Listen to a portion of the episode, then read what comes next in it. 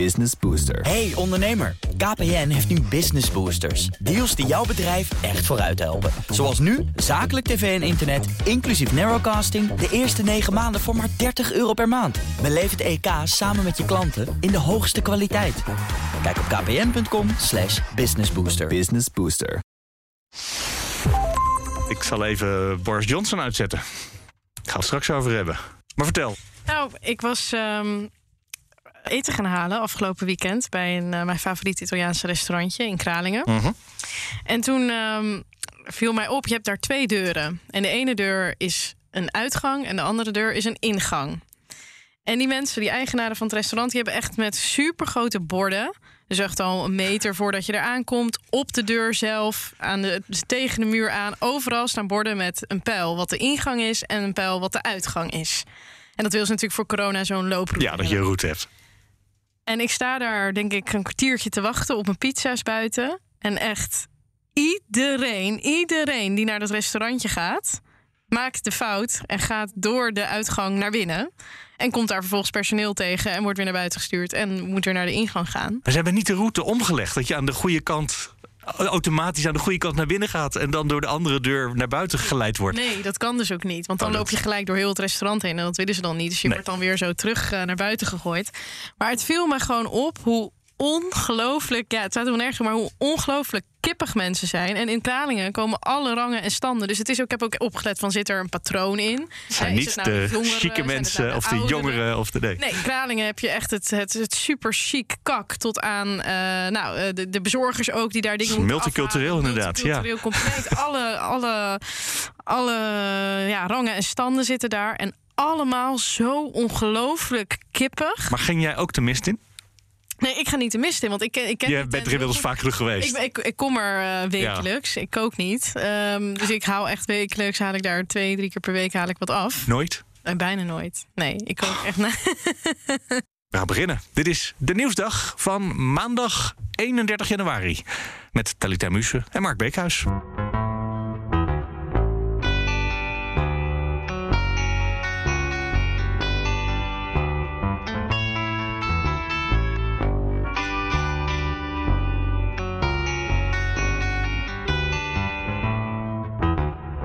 Eerst maar eens even het water. Jij zei al Rotterdam, waar je woont. Mijn arme Ik stad. zag foto's van Ja. het Noordereiland, wat bijna geen eiland meer is. Nee, ik heb de hele dag in Amsterdam eh, gewerkt. En nu zie ik de foto's voorbij komen. Ehm, dat Rotterdam het water zo hoog staat... dat gewoon bij de punt van Noordereiland tegenover de Erasmusbrug...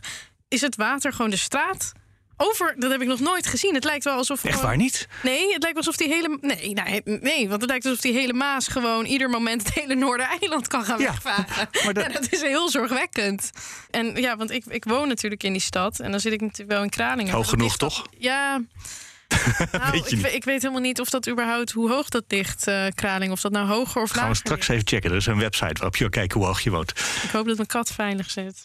Ja, ongetwijfeld. En anders dan evacueren de buren hem. Ja, precies, ja. Ander nieuws van vandaag. Het Koningshuis. Het schijnt dat er een paleisruzie is geweest. Ik, eh, dat was er waren mijn appberichtjes. Een paleisruzie in 2001 tussen Beatrix en Willem-Alexander. Waar Wim Kok ook eh, bij aanwezig was. Omdat ehm, Alex die stond op het punt om... Mag jij Alex zeggen? ik mag Alex zeggen. Stond, stond op het punt om in het vliegtuig te springen. Het regeringstoestel, denk ik. Of het KLM'tje. Om eh, de hand te gaan vragen van, eh, van Maxima. En daar was hij blijkbaar op tegen. En dat gaat BNN-Vara. Die hebben een, eh, een, een nieuwe documentaire. Een porseleinen huwelijk. eh, wat binnenkort uitkomt. En daar, eh, daar wordt dit in onthuld. Dat blijkbaar Beatrix nou, toch bezwaren had bij zijn besluit om... eh, Ja, er waren bezwaren tegen de familie Zorgwita. precies, er waren toen in die, ja, dat weet ik nog. Ja, toen kwamen er ook allemaal van die, van die uitzendingen uit over inderdaad haar contacten en dat hele regime van haar vader en eh, de protesten die daar in Argentinië ook waren. Van al die slachtoffers, al die moeders die hun kinderen zijn Ja. kwijtgeraakt onder dat regime. Ja, dat is heel, heel, heel heftig geweest. Maar het is ook wel mooi toch? Dat hij zou hebben gekozen voor de liefde. Ja, boven het koningschap. Trouwens, dat gun je niemand, denk ik, het koningschap. Maar ja, hij zit nog helemaal in die familie. Maar dat je denkt, nou weet je, ze kunnen me wat. Nederland is tegen de regering. Maxima is het. Mijn moeder is tegen. Maar ja, als je dan die foto nu ook weer van hun ziet. Dat was, was echt een hele, het is een hele mooie vrouw, hè. Maar ik kan het wel begrijpen. Ik kan het wel begrijpen dat... Uh... Oh, jij denkt dat hij alleen voor het uiterlijk ging? ik denk dat je het al niet zo lang volhoudt op die positie. Nee, dat denk ik ook. Maar het is, uh, het is een prachtig, uh, prachtig paar. Maar ik ben benieuwd. Kijk uit naar die... ik hou er... Ik vind het wel leuk, ja. het Koningshuis. Om... Veel met het Koningshuis, hè? Nee, ik heb er eigenlijk niet zo heel veel mee. Maar wel met dus de schaduwkant. Daar Oh, heb ik dan ja. weer heel veel mee. Oké. Nog een nieuwsberichtje. We hebben er nog wel twee als je graag wil. Twee. We kunnen het hebben over Boris Johnson, waarvan eindelijk het rapport uit is gekomen. eh, dat hij inderdaad zich misdragen heeft met al zijn collega's in de tuin. Eh, dat al die tuinfeestjes niet hadden gemogen. En dat eh, een werkoverleg in de tuin hartstikke goed is. Dat staat in het rapport. Maar dat als het geen werkoverleg is en er komt wijn bij... dat je dan misschien door moet hebben dat de rest van het land het ook niet mag. Maar dat is wel wat in het rapport staat. Dat er een disconnect is. Hoe zeg je dat in goed Nederlands? Eh, tussen number 10 en the rest of the country. Dus de, de, Dit- Dit zijn toch wel Ja. harde conclusies. Your failure of leadership, serious failure to observe the high standards expected, excessive consumption of alcohol, behavior difficult to justify. Ja, want de rest van het land mocht met vier mensen hoog uitkomen. En dit gaat over acht feestjes met eh, tientallen. Maar toch is het niet het rapport waarover die lijkt te gaan vallen nu. Nou, dat is interessant. Ehm, er is natuurlijk ook een. Naast een politiek rapport, wat nu gemaakt is, ook een politieonderzoek gaande. En de mensen van de politie hebben gezegd: wil je alsjeblieft nog een heleboel belangrijke details stilhouden? Want dat past misschien in ons onderzoek en dan zit je ons in de weg. Dus heel veel belangrijke, spannende mededelingen zijn weggehaald. En dan nog blijft er een heel hard, heel duidelijk rapport over. Dus Overleeft deze. hij dit nou vanwege Ja, oh, dit is een en goede vraag. Is dat zeg maar waardoor hij dit nu overleeft? Dat hij daarmee, omdat het een hectische situatie is, dat hij toch maar beter blijven zitten dan nu een wissel? Het zou zomaar kunnen dat de oorlog in Rusland een kleine rol speelt. Lia van Beckhoven, onze correspondent in Engeland, die zei al een week of drie geleden: hij ligt heel erg onder vuur. Verwacht een kleine oorlog binnenkort. Het zou best eens kunnen dat hij het daarom wat heftiger aanzet en besluit dat hij binnenkort toch even naar Oekraïne wil, want daar speelt op het ogenblik ook nog. Maar overleeft hij het? Twee weken terug ongeveer voorspelde ik dat hij niet dit overleeft. Nou, dat punt heb ik dus niet binnengehaald. Ik ga vandaag mijn, opke- mijn, eh, mijn, eh, mijn voorspelling omkeren. Want nu hebben we het eerste dat? rapport. Mag? Ja, voor mij mag Aan de dat. luisteraar, mag dit? Ja, de luisteraar mag, ik mag kijk erover stemmen of het mag of niet. Maar ik doe het gewoon. Mijn voorspelling voor de komende twee weken is dat hij er over twee weken met dit rapport nog gewoon zit. Gewoon zit. Hmm. Ik, ik vermoed dat je hem zomaar eens gaat halen. denk. Ja, eindelijk ook weer eens een punt. Wordt hoog tijd. Wil je nog het over carnaval hebben? Over... Ehm, ja, dat de BOA's, eh, de BOA-bond, eh, die ziet de handhaving van de coronaregels voor het carnaval niet zitten. Nee, die zeggen gewoon wel carnaval of geen carnaval, maar niet zeggen carnaval. En dat wij nou moeten zorgen dat zij anderhalve meter gaan houden. Precies, dus eigenlijk willen ze gewoon dat de politiek het eh, besluit. Terwijl Ja. minister Jezielkes zegt dat carnaval kan doorgaan, maar in een aangepaste vorm. Dus Ja, die zei je kan niet doen alsof het virus er even niet is. Maar dus Nee. met de opmerking van de BOA-bond, als we dat serieus nemen... dan zegt mevrouw Jezilkes dus eigenlijk... sorry, carnaval gaat ook dit jaar niet door. Ja. Nou, vanavond is er een eh, overleg tussen de burgemeesters. Dus daar gaan we morgen meer over horen. Er zullen vast wel weer eh, burgemeesters zijn die toch nieuws gaan zien. Er zijn Dat altijd ik burgemeesters. zomaar. ik weet ook al welke. Als je wat wil laten weten, wil reageren... dan kan je mailen naar denieuwsdag.bnr.nl... of je kan twitteren at de Nieuwsdag. Dat doen sommige mensen ook. En je kan natuurlijk altijd terecht op Instagram, Talita Muse. Zeg eens, waar kunnen de mensen op Instagram terecht? Het Talita Muse. en voor de behind the scenes. En via de BNR natuurlijk, Instagram. En daar kan je ook meestemmen over onze voorspellingen. Talita, jij wilde het hebben over long covid. Ja, want er was vandaag een, ehm, ja, hoe zeg ik dat goed, vergadering. Een hoorzitting in de Tweede Kamer, ja? eh, waar ik ook al een aantal Kamerleden over zag eh, tweeten. Omdat, eh, nou, long-covid nog niet, vinden veel mensen... en ik denk dat dat ook wel klopt, nog niet genoeg aandacht heeft gehad. Want naast natuurlijk alle ziekenhuizenopnames en de ernstige covid... zijn er natuurlijk ook gewoon heel veel mensen... die langdurige klachten aan overhouden. En die vallen dus ook onder slachtoffers, zou je kunnen zeggen, van deze pandemie. Ehm, dus ik dacht, ja, ik wil er gewoon eigenlijk inhoudelijk eh, meer over weten. Ik weet er te weinig van. Eigenlijk precies wat ook de Tweede Kamerleden dachten. Ja. Die worden, moesten worden bij- bijgepraat over waar we staan. Bijgepraat. En dat is mooi. Daar heb ik eh, Michael Rutgers, de directeur van het Longfonds, eh, voor eh, beschikbaar gevonden. Om daarover te praten. U was een van de mensen hè, in de hoorzitting in de Kamer. Ja, zeker. Een van de zes, ja. Wat was de essentie van wat jullie met z'n zessen allemaal aan de Kamer zeiden? Er zat vast een grote rode lijn doorheen. Eén uh, mededeling die jullie alle zes wel probeerden over te brengen. Ja, ik denk dat we allemaal op dezelfde lijn zaten. En dat, uh, dat is inderdaad het erkenning en herkenning verhaal. Ten eerste moet je die, andersom, ten eerste moet je die ziekte herkennen. Dus um, hoe ziet hij er nou eigenlijk uit? Wat betekent het? Wat betekent het voor de mensen? Um, waar komt hij vandaan en waar gaat hij naartoe? En wat doe je eraan? Dat is het, uh, het herkennen daarvan. Maar vervolgens, als je dat er hebt, is het natuurlijk heel belangrijk dat uh, allerlei nou ja, kringen om de mensen heen het ook erkennen. En dat gaat natuurlijk ook binnen de familie. Hè, dat uh, mm -hmm. partners of kinderen of uh, dat die. Uh, je maar erkennen? Deuren... Zegt u nou dat mensen niet geloofd worden als ze long COVID ja. zeggen te hebben? Ja, dat, uh, dat gebeurt zeker. Uh, want het is, je ziet er toch prima uit. En uh, hoezo haak je af? En dat geldt ook voor werkgevers natuurlijk. Dat geldt voor, voor artsen en, en, en, en, en ander zorg, zorgpersoneel. dat die toch niet voldoende erkennen dat dit een probleem is wat een, een fysieke oorzaak heeft. Dus dat beest is bij je binnengekomen. Die heeft daar een probleem veroorzaakt. En daar heb je langdurig last van. Uh, benauwdheid, uh, kortademigheid, vermoeidheid, hoofdpijn, hartritmestoornissen. Nou, je kan het gek niet bedenken. Spierpijn, uh, koorts. Je kan het gek niet bedenken of het, het, het, het loopt weken tot maanden door. En dat is, ja, dat is heel moeilijk. Je ziet er niks aan. Hè? Mensen zitten, ja. de meeste mensen althans, zitten niet, maar, zijn niet zichtbaar hiermee, hebben niet zichtbaar hiermee te maken. Ik snap wel iets van dat het misschien moeilijk erkend wordt. Ook door artsen ja. misschien wel. Want als je inderdaad zegt, nou van hartritmestoornissen tot moeilijk ademen en spierpijn. Dat is nogal een. Het, het, kan alles zijn. Het kan ook een griepje zijn, of het kan ook. Uh, uh, ja, of hartproblemen. Dus, het kan alles zijn. Ja, dat is ook zo. Je moet dus eerst een aantal andere dingen uitsluiten. Mensen die in de eerste instantie, dus in 2020, hiermee te maken hebben gekregen, die zijn nog niet getest. Dus die hebben niet een bewijs dat ze ooit corona hebben gehad. Dat geldt natuurlijk uh, nu niet meer, maar destijds wel. Dus het zijn mensen die, uh, die, ja, die, die staan ook niet als bewezen COVID-patiënt uh, te boek. En dat helpt natuurlijk ook niet voor de erkenning. Ja, is het, is het een overeenkomstig met, uh, ja, technisch maar ME schuine streep CVS? Dus het, vermoeid, met wat? het chronische vermoeidheidssyndroom wat je hebt nadat je andere infectieziekten doormaakt. Dat is een veel voorkomende ja, consequentie van het doormaken van infectieziekten. Is, is het dat of is het toch anders? Nou, die vermoeidheid is wel een overeenkomst. Um, maar ME, myalgische encefalomyopathie en uh, fibromyalgie ja. en CVS, chronisch vermoeidheidssyndroom, dat is wel een daar is de oorzaak eigenlijk niet bekend. En hier is de oorzaak wel bekend. Uh, namelijk, het is een corona-infectie. En wat je zegt is wel waar. Um, na allerlei chronische aandoeningen, of bij allerlei chronische aandoeningen, is vermoeidheid een belangrijk symptoom. Maar het unieke hiervan is dat het niet alleen maar vermoeidheid is, maar ook die kortademigheid, ook die hoofdpijn, ook die terugkerende koorts. Dus al, al die andere symptomen horen er ook bij. Ook reuk- en smaakstoornissen, wat natuurlijk, uh, dat is niet, dat is niet. Echt specifiek uh, voor die COVID, ja. Nou, dat is wel specifiek voor die COVID, die reuk- en smaakstoornissen. En dat is nou niet, het is, dat is meer heel vervelend. Want als je, als je, uh, je, je drankje smaakt als, uh, als urine, of als je ruikt aan iets lekkers en het ruikt als poep, dat is niet goed. Is het vast te stellen op een scan of zo? Kan je in de longen ook uh, iets zien? Dat zag ik ook wel voorbij komen, dat er ook onderzoek naar wordt gedaan. Maar kan je dit detecteren, meten?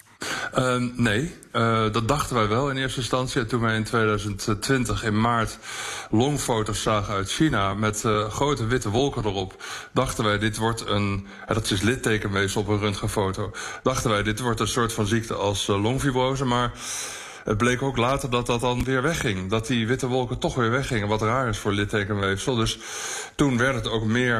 Uh, toen hebben wij zelf onderzoek gedaan samen met de Universiteit Maastricht. En toen bleek dat er 29 verschillende symptomen waren. Waaronder benauwdheid en kortademigheid. Wat natuurlijk met, vaak met longen te maken heeft. Maar. Um, ja, het is, je moet het vaststellen door het samenstel van, van factoren. En je moet weten dat iemand inderdaad een corona-infectie heeft doorgemaakt. En dan kun je uiteindelijk de conclusie trekken dat dat de achterliggende oorzaak is. Ja. En dat is iets anders van de, van de herkenning. Je moet het eerst eens goed herkennen. En we weten nog lang niet wat we er nou precies aan moeten doen. Uh, hoeveel mensen hebben het eigenlijk? Of weten we dat ja, niet, omdat het niet herkend wordt? Nou, um, een deel van die erkenning, erkenning is dat je ook een registratiesysteem zou moeten starten. De huisartsen zouden dat moeten hebben, dat hebben ze niet. Uh, dus, dus dat is inderdaad een probleem. Uh, wij denken, uh, als wij uitgaan van coronaplein.nu... dat is onze plek die we al vanaf mei 2020 geopend hebben... waar inmiddels 3 miljoen unieke bezoekers zijn geweest, of bezoekers zijn geweest... Uh, als wij een webinar doen over, over dit onderwerp, wat, wat het uh, basisthema ook is, dan krijgen we er duizenden kijkers. Het eerste webinar 35.000 kijkers. Dus er zijn heel veel mensen die hier toch vragen over hebben. En vanochtend leerden we ook uit een um, groot cohortonderzoek, dat is een onderzoek wat al heel lang loopt in Groningen, van 100, 170.000 mensen, dat 1 op de 8 mensen last hebben van blijvende, die corona hebben gehad, last hebben van blijvende, van langer durende symptomen. Dus en die hadden gemiddeld, gemiddeld hadden die drie klachten, geloof ik. Hè? Dus het is ook ja. niet dat je dan alleen je smaak bij het kwijt bent of alleen vermoeid bent, maar dan heb je ook nog een paar dingen bij elkaar ineens. Ja, zeker. Wat moeten we voor die mensen doen? Want u zegt, ja, we moeten erkenning hebben. Nou, mensen moeten dus gaan herkend worden dat ze het hebben. Wat moet de samenleving met COVID-patiënten doen om ze het leven beter te maken? Uh, er zijn een paar, een paar, uh, paar, dingen. Ik denk dat het belangrijk is dat we de zorg op orde krijgen. Met uh, de publicatie van de richtlijn van de medisch specialisten, de Longalliantie en de huisartsen is een eerste stapje in voorbereiding, 22 maart. Dat ding kan heel veel artsen in ieder geval een handreiking geven om daarna stappen te gaan nemen om wel op de goede manier voor mensen te zorgen. Um, Zo'n richtlijn is een eerste stap, omdat heel veel van de zorgen van de problemen die er nu zijn, dat die nog niet bewezen uh, een oplossing hebben. Dus dat moet dan daarna volgen. Daar is dus onderzoek voor nodig. Dus zoek uit wat die mensen hebben en wat je eraan kan doen. Hm. Dat gebeurt ook, maar dat duurt meestal ook lang. Dus alles duurt een beetje lang voor de mensen. Ja. Maar, ik, hoorde u, um, ik hoorde u vanmorgen zeggen: het is een onorthodoxe ziekte. En daar moeten onorthodoxe maatregelen bij. Maar dit klinkt eigenlijk nog allemaal heel erg regulier voor mijn gevoel. Uitzoeken hoe het zit nou, en kijken waar mensen last van hebben. Ja, maar dat, dat, dat, dat, dat is ook zo. Maar het, het onorthodoxe zit hem, althans van de maatregelen, zit hem erin dat je bijvoorbeeld als je het hebt over mensen die in uh, maart of april in de problemen zijn gekomen van 2020, dat die nu tegen een, uh, uh, het verlies van werk aankijken en dat daar. Daar moeten echt onorthodoxe maatregelen genomen worden. Want dan, anders wordt, raak je gewoon je baan kwijt. Terwijl je in het begin helemaal niet wist wat je had. We wisten ook niet wat we eraan moesten doen. We weten dat nog steeds niet goed. En als je dan nu mensen uit hun baan gaat, gaat zetten... terwijl ze misschien nog het komende half jaar of komende jaar beter kunnen worden... Ja. dat is wel heel wrang moeten we ook nog meer doen om het te voorkomen? Want we hebben het nu over van wat gebeurt er als we het hè, detecteren en hoe gaan we dan mensen helpen. Maar vindt u dat de politiek ook nog steeds meer moet doen om überhaupt long-covid te voorkomen? Nou, ik vind dat we eerst moeten beginnen om op de persconferenties ook over long COVID uh, te, te, vermelden hoe het daarmee zit. Hoeveel mensen het hebben, wat, waar die mensen last van hebben. Maar vervolgens, wij weten niet wat het voorkomt. Dus het enige wat je kunt doen is COVID voorkomen. En dan hopen dat je daarmee ook het aantal mensen met long-covid vermindert. En we weten niet precies wat long-covid veroorzaakt. Behalve dat het COVID het veroorzaakt. Maar waarom het bij sommige mensen goed gaat en bij anderen niet. Eraan moeten doen. Dus dat moet allemaal nog uitgezocht worden. En dat is behoorlijk ellendig. We wensen u heel veel succes met dit op de kaart te zetten. En ik denk dat wij daar ook uh, ons aandeel in uh, gaan We hebben ons best vandaag gedaan. Precies. Ja, en binnenkort, wie weet weer. Michael Rutgers, directeur van het Longfonds. Dank u wel. Dank je wel. Spotify. Heb jij nog een account of heb je het inmiddels opge opgezegd? Zeker niet. Ik doe niet aan cancel culture. Daar heb ik helemaal niks mee. En je had ook geen abonnement, dus je kon het ook niet opzeggen. Jawel, ik heb zelfs premium. Dus ik betaal ze ook nog eens dik iedere maand. Al okay. mijn geld gaat direct naar Joe Rogan. ja, voor een deel wel. Ja, al die desinformatie. Iemand moet die 100 miljoen ja, betalen. Ja, precies. Ja, dat ja, komt het mij ook. Nee, maar het is natuurlijk wel uh, interessant. Want uh, wat er gaande is, desinformatie is wel een van de grote zorgen van deze tijd. Uh, social media en hoe gaan we daarmee om? En uh, naar aanleiding van de. Nou, Joe Rogan heeft een hele succesvolle podcast. Natuurlijk echt een, een, grootheid. Inmiddels is die groter dan de reguliere media. 11 miljoen luisteraars per aflevering. Maar daar nodigt hij ook gasten uit die heel sceptisch zijn over het coronabeleid. En naar aanleiding daarvan. Dat en is, nogal eenzijdig, ja, hè? dat was natuurlijk ook het probleem. Het mis, misinformatie of mening, desinformatie. Joe Rogan ook. Hè? Die heeft een Aha. duidelijke mening. Dus hij nodigt gasten conform zijn eigen mening uit. En naar aanleiding daarvan, dat heb, heb ik gisteren gisteren pas geleerd. Ehm, de artiesten zijn niet als eerste gaan piepen. Maar eerst hebben ook nog wetenschappers een brief gestuurd naar Spotify. Waarbij ze hebben gezegd: we vinden dat die desinformatie uh, niet uh, kan op zo'n groot platform. Ja. En die wetenschappers hadden geen impact. En toen kwam Neil Young voorbij. Neil en vervolgens Young Joni Mitchell. Iedereen zich afvraagt: wie is Neil Young? Leefde die nog? Uh, en de mensen die wel Neil Young kennen, kennen Spotify weer niet. Dat was. dat is Wacht, dat, ik ga dit meteen factchecken. Jos Verstegen, analist bij Insinger Gillissen. Goedemiddag. Goedemiddag, Mark. Jij weet toch wel wie Neil Young is en je weet toch ook wel wat Spotify is? En of ik dat weet, ik was toen ik een jaar of 16, 17 was, de grootste fan van New York uh, die er was een beetje. Al die liedjes, ik ken nog steeds als ik het uh, heel af. Heart of Gold. Maar die liedjes, ik ken ze, ja, maar dat is de meest bekende inderdaad. Maar heel veel liedjes ken ik nog uit mijn hoofd. En dan met een gitaarspel erbij en mondharmonica. Ja, ja, echt waar. Oh, nou. Maar wanneer was het laatste keer dat je luisterde? Een paar maanden geleden dacht ik weer, ja, dat was eigenlijk wel leuke muziek. En heel soms uh, draai ik het ook, maar ja, de rest van het huishouden kan er moeilijker tegen. draai je het niet heel vaak. In de auto. En zelfs Niels Lofgren, die hebben ook gezegd van dat, ze, dat ze van uh, Spotify af willen. Het is eigenlijk ja, een beetje de oude hippie-cultuur, die uh, ja, vaak toch uh, al, al, natuurlijk al jarenlang heel, hoe, hoe, zeg je dat, op goede manier met de wereld om wilde gaan. Ja. En die laten, zich, die laten nu duidelijk van zich horen. En hoeveel impact heeft zoiets nou voor het bedrijf Spotify? Dus dat die artiesten allemaal hun muziek weghalen. Wat gebeurt er dan? Ja, nou dat zou natuurlijk uh, heel erg grote impact kunnen hebben op het aantal luisteraars. Hè. Als, die, als Spotify niet meer aantrekkelijk is, dan, uh, ja, dan, dan, dan gaan mensen naar, naar concurrenten toe. Uh, ik was zelf met mijn zoon bezig. Mijn, mijn zoon die wilde graag bijvoorbeeld Spotify hebben. En ik, ben, ik heb zelf Apple Music. En toen liet hij horen van, ja, ik wil Spotify. Want ik, er is best wel verschil tussen die platformen. En uh, ja, het kan zijn dat mensen uh, hun abonnement opzeggen. En kijk, beurskoersen reageren altijd op wat er mogelijk kan gebeuren. We kijken naar de risico's. Ja, want dat zagen we al meteen, hè? Dat, er, ja. dat het effect had op de beurs. Wat deed de beurs? Ja, uh, nou, daar ging zo'n 15% vanaf in, in drie dagen. Maar dat is altijd moeilijk te isoleren hoor. Want tegelijk vorige week was er ook wel veel onrust over alles wat met social media te maken heeft. Of waarvan men denkt dat er in de toekomst grote winsten uit zullen komen. Want op zich is die winstgevendheid van Spotify nog niet zo heel erg. De board van Spotify heeft nu wel gereageerd. Hè? Want eerst bleef het nog een beetje stil. Van nou, wat gaat er gebeuren? Toen uh, kozen ze niet. Dus toen hebben die artiesten zijn opgestapt. Maar nu heeft de board, als het goed is, wel gereageerd dat ze ja. iets gaan doen. Ja, van het weekend hebben ze nog eens heel duidelijk gemaakt uh, wat de regels zijn.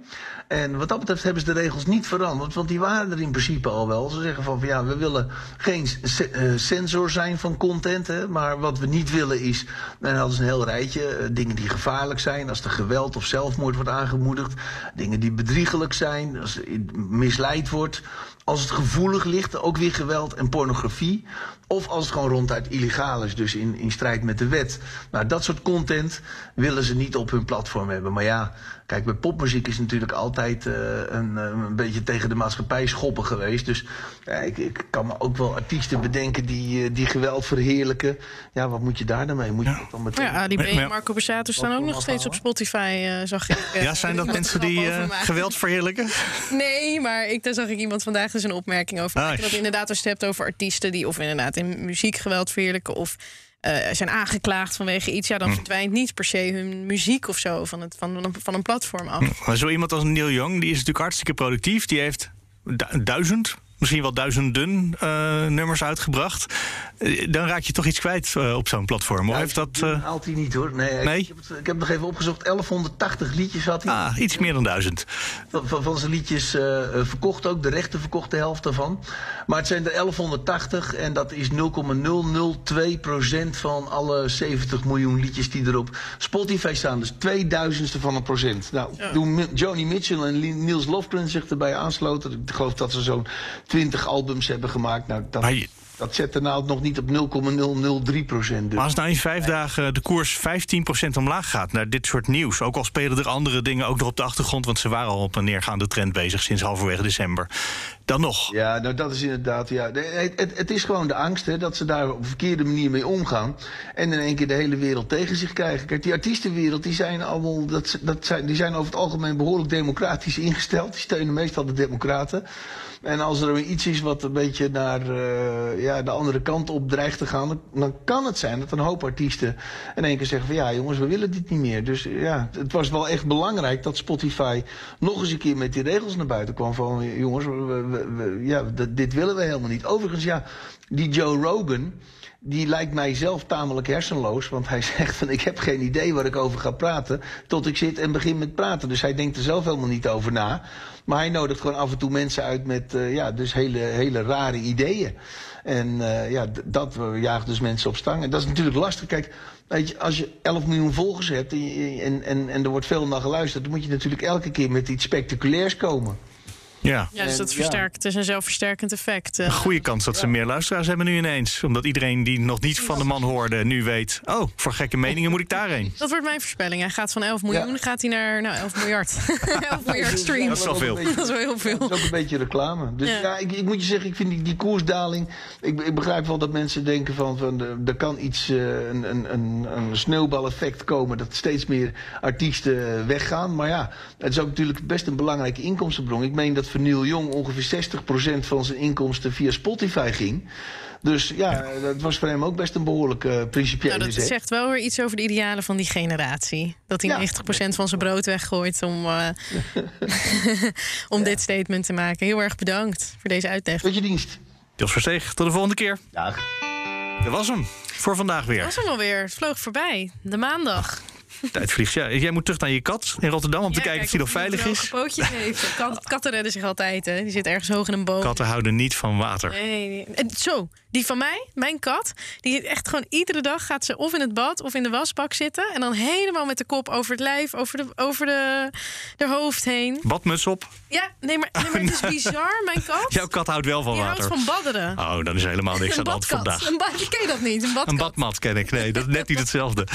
Wil je reageren? Mail dan naar de nieuwsdag.bnr.nl. Twitter naar de nieuwsdag. Of ga naar Instagram, Talita Muse of BNR. Precies, en vergeet niet te abonneren in je favoriete podcast-app op deze. En ik weet je, het hoeft niet eens je favoriete podcast-app Oh, te zijn. Het kan gewoon in elke. Ja, in als je podcast denkt, die je haat. het is de podcast-app die ik liever niet gebruikte. Maar die podcast vind ik goed. Zolang je maar op ons abonneert. Tot morgen. Tot morgen. God, wat een slechte grap. Wat je favoriete podcast? Dat zijn niet.